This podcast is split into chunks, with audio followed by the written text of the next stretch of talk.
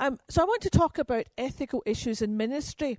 It's something that I'm particularly interested in. I also teach um, um, a module on a pastoral ministry, pastoral theology course, and it um, has ramifications for me in my work as a canon lawyer because I often um, encounter people who've been damaged um, or wounded by um, the shortcomings of pastoral ministers themselves. So I want to begin by um, talking about what we mean by the pastoral relationship. Uh, Thomas O'Meara, in a book called Theology of Ministry, says that Christian ministry is the public activity of the baptized follower of Jesus Christ, flowing from the Spirit's charism and an individual personality on behalf of a community to witness to, serve, and realize the kingdom of God. And he says that there are six characteristics of this idea of pastoral ministry, pastoral relationship. First of all, it's doing something for the advent of the kingdom in public on behalf of a Christian community, which suggests ordination, commissioning, or so on, or appointment, which is a gift received in faith, baptism, and ordination, or we could say commissioning, um, which is an activity with its own limits and identity within a diversity of ministerial actions. So it's doing something which is public, it's on behalf of a Christian community. It's for the advent of the kingdom. So there are certain characteristics to a pastoral relationship. What constitutes a pastoral relationship is sometimes not clear. Pastoral ministers can find themselves in a vague relationship with their people than other professionals um, are with their clients. For example, teachers, doctors, lawyers, and psychiatrists get together with their clients in well defined settings and for clear reasons. It's a taboo to socialize or work side by side with their clients in other institutional or social settings. There are clear boundaries, there are often codes of conduct. So, as Richard Gula observes, what constitutes a, a professional relationship with them remains fairly clear. Now, Richard Gula in Ethics in Ministry defines a professional pastoral relationship as one in which the minister is acting as a representative of the church so that people can draw from his or her special authority and competence to meet a religious need. So, for example, a pastor who serves his parishioners I keep saying his parishioners, as you know, in the Roman Catholic Church, we don't have ordained women. I'm I'm not even going to say yet because it might it, it won't happen in my lifetime. It might not happen in God's lifetime. We'll see. Um, so we have a pastor serving parishioners, a spiritual director serving a directee, a catechist serving young people, young children, maybe older children, and so on or might be serving in a supervisory role over others, maybe a director of religious education to catechists and so on.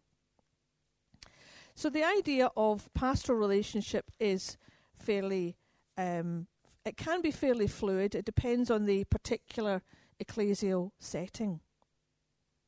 Now, there are a number of ethical issues we could talk about. I just want to mention a couple of them. We might, or you might want to reflect on why do these happen? Is there something in the, the culture of a particular community? um, we've had the sex abuse crisis in a number of churches. Of course, the Roman Catholic Church has been particularly in the, the, the news because of the scale of it, but it does happen in other ecclesial communities. Most sexual abuse does, of course, happen in families, but there's a particular scandal that it happens in a setting, the church, where people are supposed to be safe. So we can talk about culture, formation, training, supervision, and so on. One of the issues that I often discuss with people is the issue of confidentiality. I did hear it said once that priests are the in the Roman Catholic Church are the big, biggest gossips you could ever hope to meet. I'm not sure that that's true, although I've I've I've found a few who you wouldn't want to to tell things to. But confidentiality is highly respected in a pastoral relationship because there are expectations on both sides. There's elements of trust. Um, there are elements that there's an idea that what you say in confidence is not shouted from the rooftops. So confidentiality falls into um, this idea of the pastoral relationship in terms of secrets and mutual respect. Um, Peter Helm, in a new dictionary of Christian ethics, says confidentiality characterizes one important aspect of a relationship based upon mutual trust, enabling one or all parties to disclose to others matters which, if generally revealed, would embarrass or compromise those concerned. And Helm tells us that a confidential relationship is the one in which more one or more secrets are shared. And willingness to share such secrets to anyone presupposes the existence of a relationship of mutual respect, whether personal or professional. Others say that confidentiality is the most single revered principle in medical ethics that forms the basis of the professional patient relationship. Confidentiality means respecting other people's secrets. Confidentiality may also be defined as protecting information that should not be disclosed to other individuals in ways that are inconsistent with the individual's or the institution's understanding of the original disclosure. So there's issues about secrets, trust, um, respect, expectations. Now, it is the case that um, confidentiality is understood in certain relationships, but that if it um, if somebody hears a counsellor maybe hears uh, something that is likely to harm a third party, they have the duty to disclose it. Now, it's worth reflecting on your own situation as ministers or potential ministers, the whether there are limits to confidentiality. Now, one of the big issues in the Roman Catholic Church is the seal of the confessional. And one of the canons, 983, says the sacramental seal is inviolable. Therefore, it is a crime for a confessor in any way to betray a penitent by word or in any other manner or for any reason. Hence, the seal cannot be broken to save the priest's life, to protect his good name, to refute a false accusation, to save the life of another, to aid the course of justice, or to avert a public calamity. Now, there has been a lot of discussion about this, particularly in Ireland and Australia, in relation to the sex abuse crisis. So much so that the Irish and Australian governments both proposed legislation which would force priests to uh, alert the authorities to paedophiles who came to them for confession. So, you know, that leaves a big issue because in certainly in England the, the seal isn't actually protected under law, um, but custom would suggest that it, it, there's a an expectation that there wouldn't be disclosure. But there's a there's a difficulty with that kind of law. Somebody comes into you, uh, you know, a confessional box, yeah. Um, you don't know who it is. It's a paedophile who confesses. How are you going to enforce? How the how are the police or the authorities going to enforce um, um, a necessary disclosure? You you don't know the person, you don't know their name, or the expectation is you don't know their name. Is there going to be a policeman outside every confessional box and knocking on the door? Was that a paedophile? Was that a paedophile? Was that a paedophile? It's but it raises very interesting questions. There was one bishop in Australia says that yes, he would break the seal of confessional if there was a paedophile presented himself. Other priests have said we'll go to prison. That's not going to happen. So it's worth thinking about whether there are limits to confidentiality and how you would um, look at those tough questions that might present themselves. So, for example,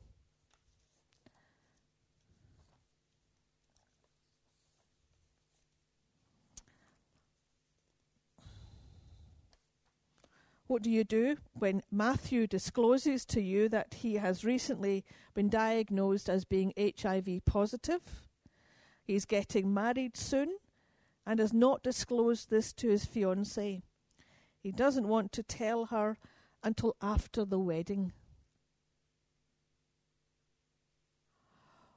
Whoa, that's a biggie. Now, if a Roman Catholic priest is told that in confession, there's absolutely nothing he can do about it.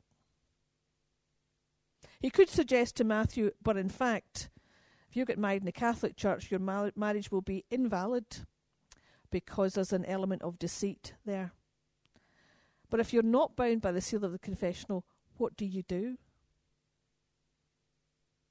What do you do? That's an interesting one to think about.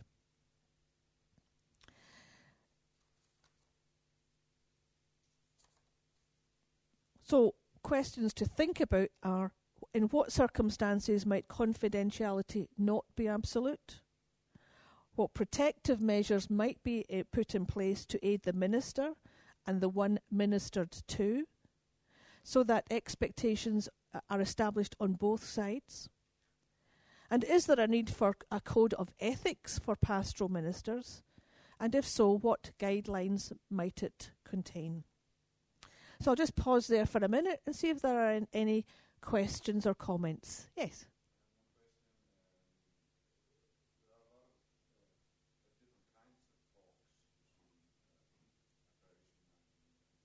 Mm-hmm. Yes.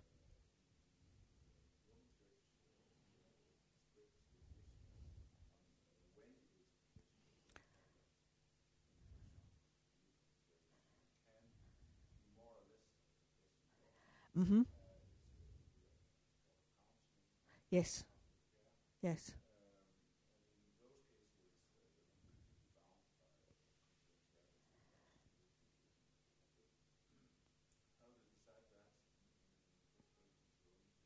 Mm-hmm.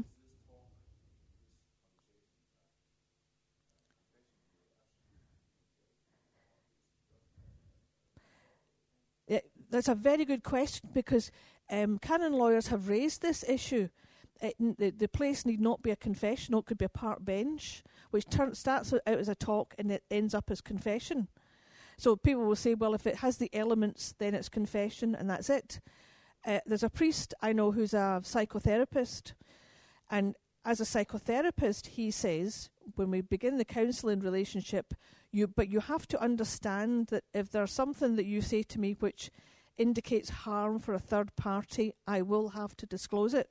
So making it clear when it, when the talk starts that it's if it's not confession, that um, you know if it's serious stuff, you get all kinds of things. You know, people catch you in a doorway.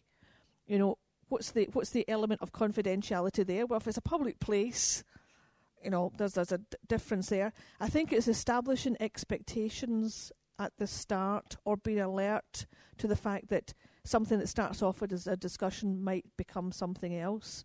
But I think in terms of the priest who's a, also the psychotherapist, he's making it clear there's a distinction between those two roles.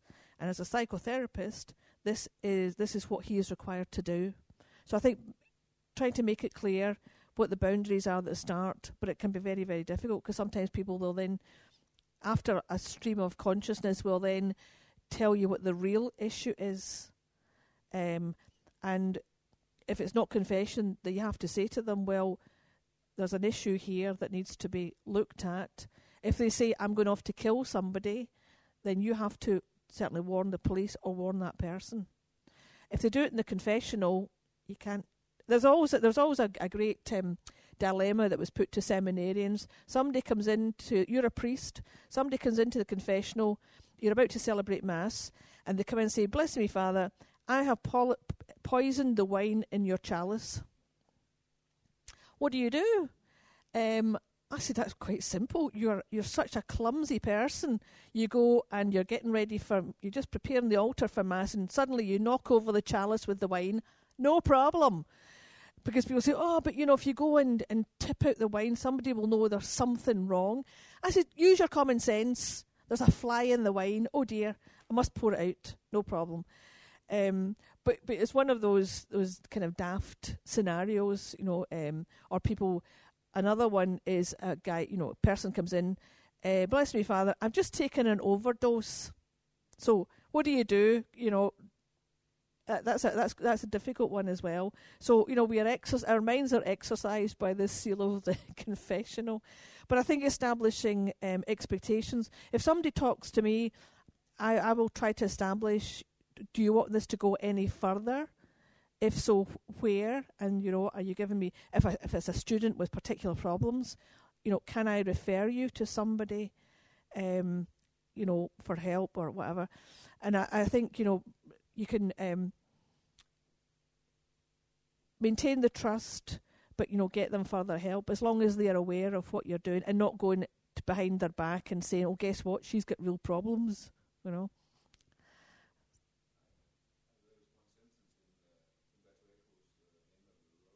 Oh, yes.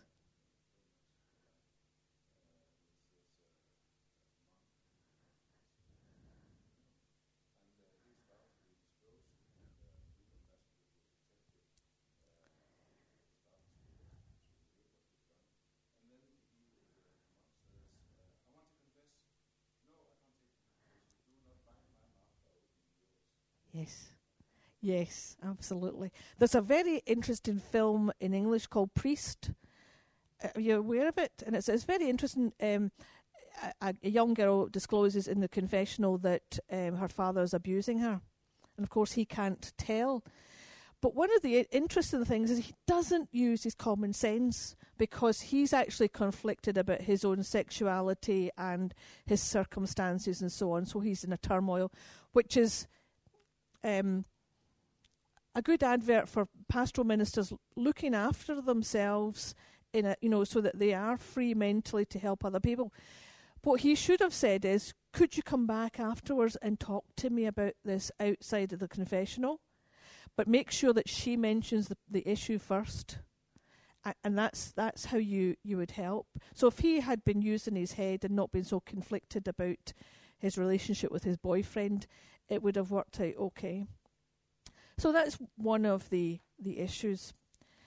I think a second issue is the use of power. We see it abused often. We've certainly seen it abused um, in the sexual scandal, but it can be abused in other ways. People, um, I, I've seen it abused in ways when people play Bible bingo and um, you know, decide what is good for somebody else just based on what they've read in the Bible and say, this is good for, this is, you know, what you need to be doing, you know. Um, I did hear a story in Greece a long time ago, and it was um, a couple of guys uh, meeting an Orthodox priest, and the priest said something to one of the guys, and uh, and the other guy says, "But haven't you got a word for me too?" And the priest says, "Just keep doing what you're doing." And I thought, well, that's dangerous if he's a paedophile or a, a, a serial killer or something like that. And it's this idea that just because somebody says something, it's held to be sacrosanct. Um, even the Pope only uses infallibility once in a blue moon and only three times ever. Um, it's very, very rare, although some Roman Catholics would have you think that every word that comes from his mouth is infallible, which is absolute nonsense. But looking at power, the ability to do something or the capacity to affect intended results. How do we use power? Um, the Evelyn Whitehead and James Whitehead, uh, in a book called The Promise of Partnership, say that the vision of power as an individual possession dominates our cultural imagination. People either have power or they do not. The athlete, the politician, the police officer has power. Most women, the poor, and the elderly do not. We tend to see it as a commodity that is held by individuals. As a possession, power is like private property. It is always in short supply. Your increase in power comes at my expense. Competition and defensiveness abound in a world where there is never enough power to go round. Now, we all possess power to a certain extent because of knowledge. You know, we are we are knowledgeable, so we have certain authority in in terms of understanding the, the Bible or church history or whatever. Again, um, a quotation from the New Dictionary of Christian Ethics Power is not always responsible. It is exercised in various ways and with varying degrees of legitimacy. It can take the form of coercion, in which people are forced by extrinsic means to act contrary to their will. Authority, in which power is exercised by agencies in some way answerable to those ruled. Manipulation, by which people are made to act against their will without realizing it. Only when power is controlled and exercised by a legitimate authority can it be called responsible. The sources of power in a community include wealth, property, holding elective or appointive office, reputation, control of information and media, and organizational skill. So, what is the source of power in your community? What is the source of power in mine?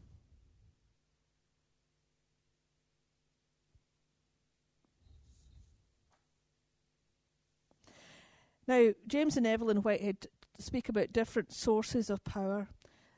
Firstly, the institutional source of power in terms of being ordained or commissioned or assigned or hired.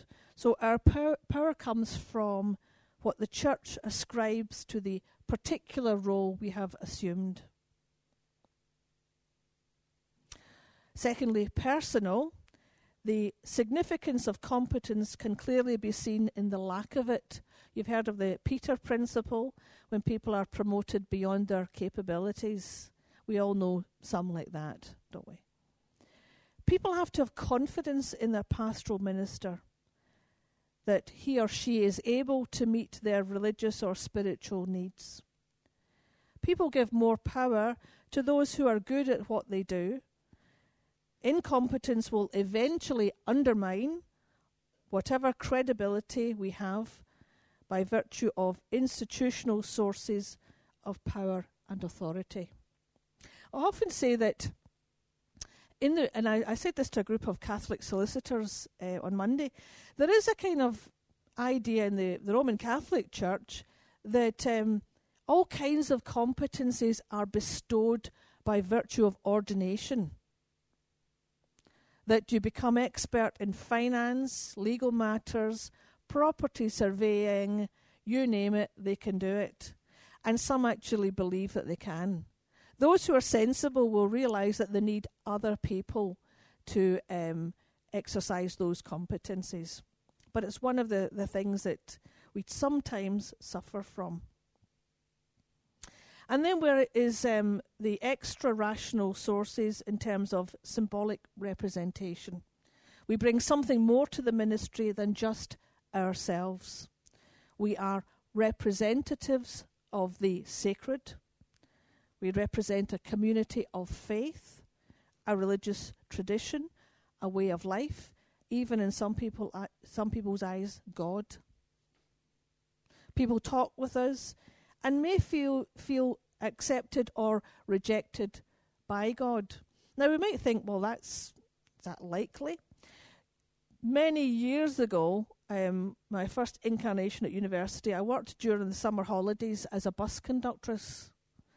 That was a wonderful introduction to the people of God, who are not always nice. Not on a Saturday night when the pubs empty out and they come on the bus, you know, and try to dodge fares.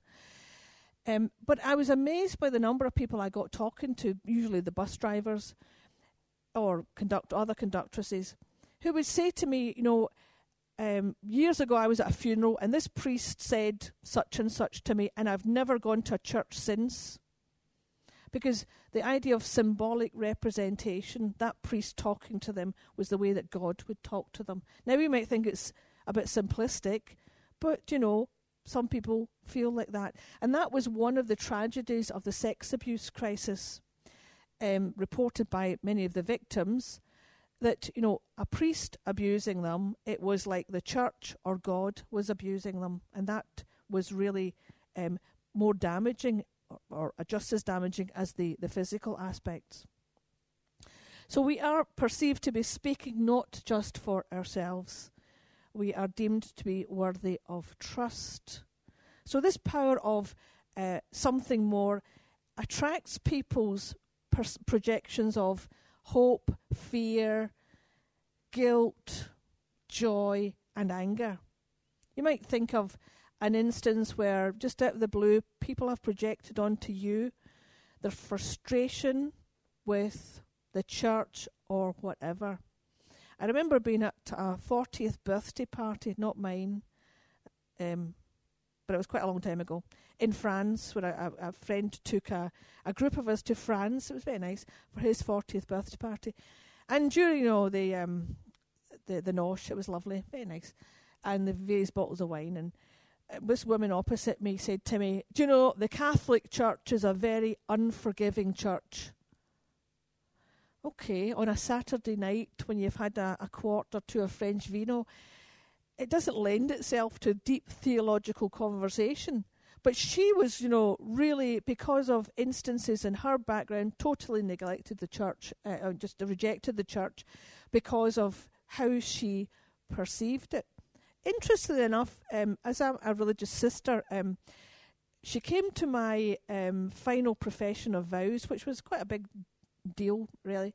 Lasted t- two hours, 40 minutes. It was a long time. Um, long time to go without a cigarette, as some of my friends had to do. Um, but she said afterwards, that was wonderful. That gave me another perception of church. So you tend to find that people will project all kinds of frustrations onto you because you represent something more than just yourselves. But this idea of trust um, highlights the core demands of the pastoral relationship. There is a need to be sensitive to the inequality of power if someone is coming to you for help. So to trust and to entrust is to become vulnerable. People give us great power over their lives and they risk being exploited. So, how we exercise our power is a key moral issue as well as a pastoral issue. So, we, we have to acknowledge the power that we do have. Maybe we don't feel powerful, but other people will perceive us as somehow being powerful because of the situation we've been appointed to, because of the knowledge that we have. So, professionals are most at risk of unethical behaviour when they minimise or ignore the magnitude of their power. So they can violate the boundaries that they are morally bound to protect. And the greater responsibility for protecting boundaries falls on the one with greater power. So, how do we use our power? Um, we can use it in exploitative and manipulative ways. So, examples of expressions of domination, disrespectful of the dignity of the other person. There might be competitive power, but this presumes a relative equality between both parties. A nutrient power, which presupposes the inequality of the parties, but this power enables or empowers the other person. It nourishes them, in other words.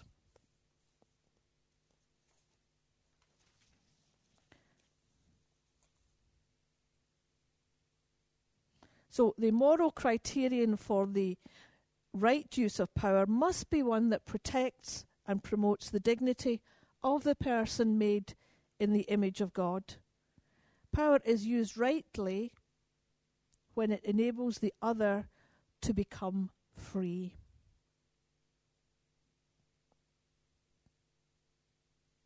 So there are many negative issues or images of power corruption, coercion, exploitation.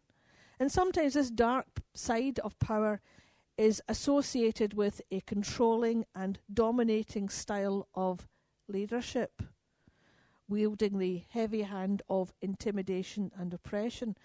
Um, I got an interesting insight on myself once when I'm also um, the provincial bursar for the European province of my religious congregation and I was dealing with somebody who uh, from another organisation providing us with services, and things were going wrong. And I was saying, you know, we have to get this right. And my um, second, my assistant said to the guy, "Oh, don't worry, her her bark is worse than her bite." And I thought, I don't have a bark. I don't have a bite.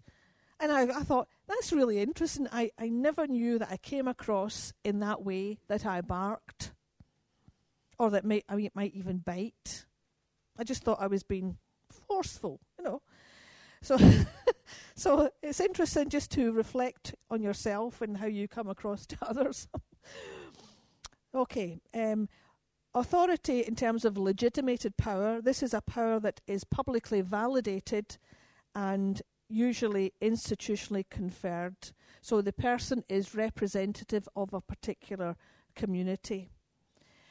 Um, so having authority gives us the right to be heard, but also carries the duty to use our power and authority for the good of the community and not for personal gain.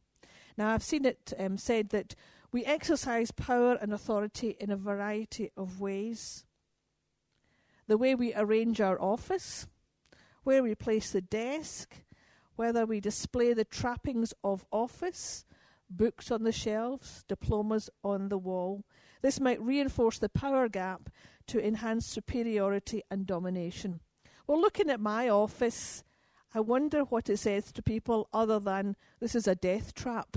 You could fall over anything the minute you walk in the door, and that I'm certainly not tidy. Um, I don't have diplomas up in the walls because the walls are too thin to take them, and um, things are held on with um, sticky tape and stuff like that. So uh, God knows what that says about me.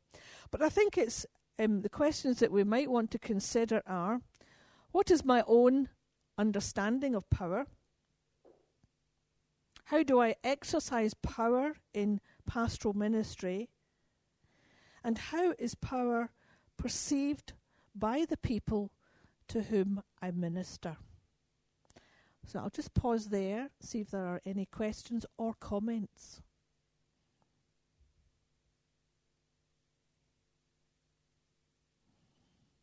before we have a little pause at two o'clock. Any questions? Any comments? Yes.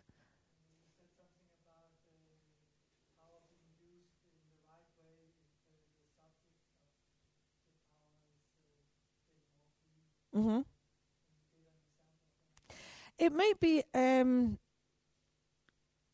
supposing somebody comes to you um, because they feel guilty all the time, right?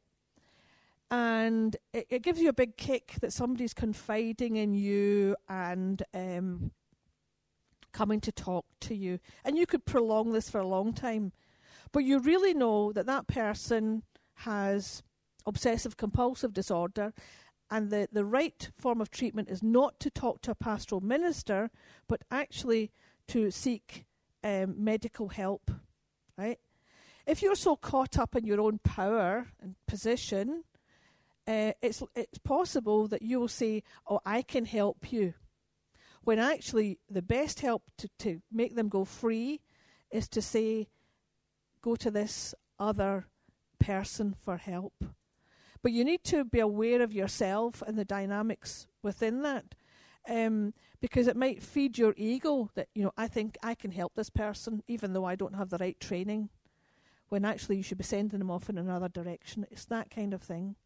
Recognizing also the limits of your own capabilities and thinking, I can't help this person. And the best thing for them, and it might not be the thing that they want to do, but it's to go somewhere else you're not rejecting them, you're actually freeing them uh, in the long run, but they might not see it at the time, but you have to be able to see that. So it calls for a, a great deal of self reflection and self knowledge as well. You know, what is it? Um, you know, because some people um, might come and s- come and see you once about something, and thereafter they never come back and see you, and you have to say, well, that's fine. I probably helped that person at the time. I'm not going to get down because they've never come back to me. Um, that's just that's fine, no problem. But some people might get really upset because that person never came back to see me. I, you know, hmm, what?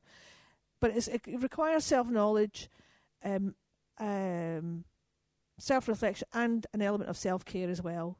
To know that you you you're not valid, you don't have to be validated as a pastoral minister in that by, by holding on to people, but by setting them free? It's a good question, thank you. Anybody else? For a little break then? Yeah?